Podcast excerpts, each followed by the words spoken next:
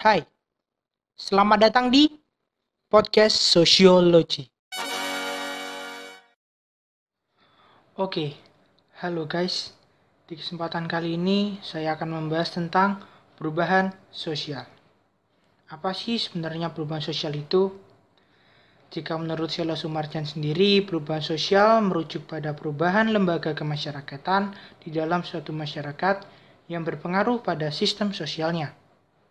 Dan juga ada Kingsley Davis yang berpendapat bahwa perubahan sosial itu sebagai wujud perubahan yang terjadi dalam struktur dan fungsi suatu masyarakat.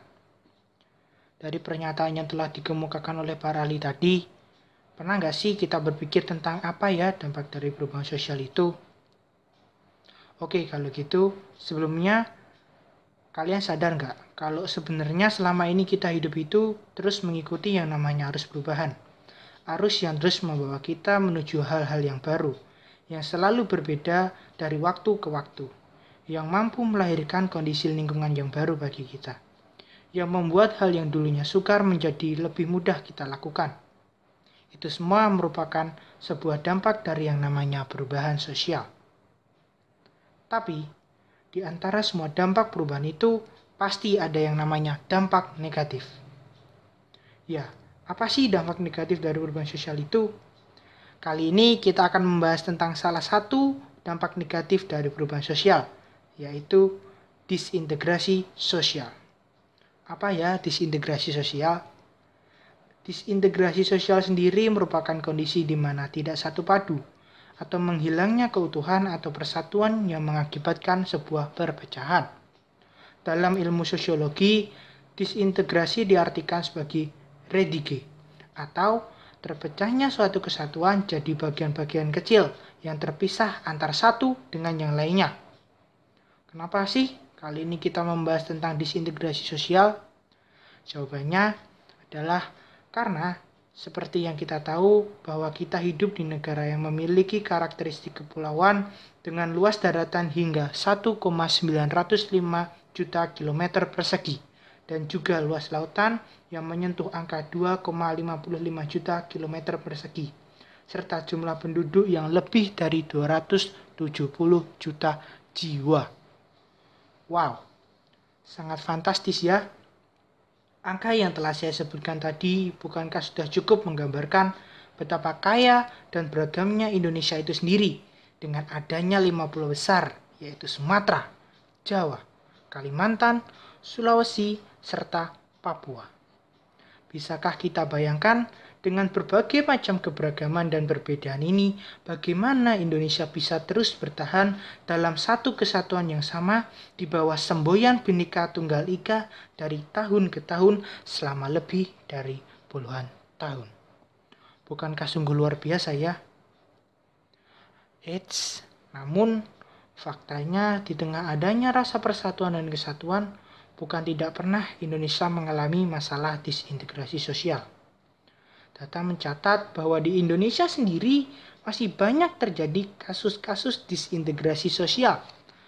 Seperti contohnya terjadi tawuran antar pelajar, warga, kelompok masyarakat, atau organisasi kemasyarakatan yang memiliki perbedaan pendapat ataupun kepentingan. Ada juga terjadinya kasus bullying, demonstrasi ataupun unjuk rasa, dan juga peperangan antar golongan, perselisihan akibat perbedaan pendapat, dan sebagainya. Sejatinya, contoh disintegrasi sosial tadi tidak hanya terjadi pada masyarakat modern saja, karena peluangnya untuk terjadi pada masyarakat tradisional juga cukup besar. Kasus-kasus tadi bisa terjadi karena bermula dari hilangnya ikatan kolektif yang bisa mempersatukan beberapa kelompok mereka yang memiliki pandangan serta kebudayaan yang berbeda akan merasa tidak sesuai ketika hidup bersamaan. Jadi, disintegrasi sosial dapat dikatakan sebagai bentuk ketidakinginan persatuan yang terjadi antara suku, ras, agama, hingga pandangan yang dinilai berbeda. Sifat ini ternyata juga bisa berlanjut menjadi yang namanya etnosentrisme, yaitu kondisi di mana seseorang dianggap fanatik terhadap suku, agama, ataupun pandangan tertentu. Mereka yang sudah mencapai tahap ini biasanya akan berpikir dan menilai golongan lain dari sudut pandang subjektifnya. Bahkan mereka bisa menilai dirinya lebih tinggi dari kelompok lain. Selain itu, terdapat konsolidasi yang membuat sebuah kelompok memperkuat kedudukannya dengan menetapkan golongan lain sebagai musuh bersama. Lalu, bagaimana ya cara mengatasi disintegrasi sosial itu sendiri? Kali ini, aku ada caranya. Yang pertama, dengan memberikan pemahaman tentang patriotisme masyarakat kita harus mulai berpikir bahwa kepentingan negara jauh lebih berfaedah dan lebih penting dibandingkan dengan kepentingan pribadi maupun juga kepentingan kelompok. 2. Menghilangkan hal-hal yang berbau primodalisme. Semua orang harus mulai meninggalkan primodalisme sempit yang bisa mempengaruhi stabilitas berbangsa dan bernegara. Selain itu, tindakan-tindakan lainnya yang berhubungan atau berpotensi menimbulkan KKN atau korupsi, kolusi, dan nepotisme juga harus ditinggalkan. Ketiga, rakyat harus punya sikap selektif. Usaha pemecah belah bangsa tersebut biasanya dilakukan dengan membawa isu-isu yang sensitif seperti agama, Terlebih lagi, perkembangan dunia komunikasi sudah semakin maju, di mana berita akan sangat mudah menyebar melalui media sosial. Oleh karena itu, masyarakat diminta harus lebih cerdas dan selektif di dalam membaca dan memilih berita yang muncul atau sedang viral. Yang keempat, meningkatkan rasa kepercayaan masyarakat. Saat ini, kepercayaan masyarakat menurun terhadap lembaga-lembaga yang sebelumnya dinilai masyarakat memiliki kredibilitas dan netralitas. Lalu, bagaimana ya cara mengatasinya? Caranya adalah pemerintah harus benar-benar mampu membangun kepercayaan mereka dengan penjelasan dan berbagai bukti yang dilakukan. Dan yang terakhir adalah dengan melawan berbagai gerakan separatis.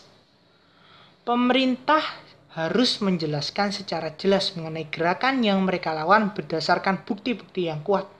Dengan begitu, disintegrasi sosial bisa kita cegah bersama. Jadi kesimpulannya, mari kita lebih cermat dan selektif lagi dalam menyikapi segala isu yang dapat memicu terjadinya perpecahan demi menjaga persatuan dan kesatuan dalam bernegara. Mungkin sekian yang dapat saya sampaikan. Semoga apa yang saya sampaikan pada podcast kali ini bisa bermanfaat bagi kita. Sekian dan terima kasih. Bye bye.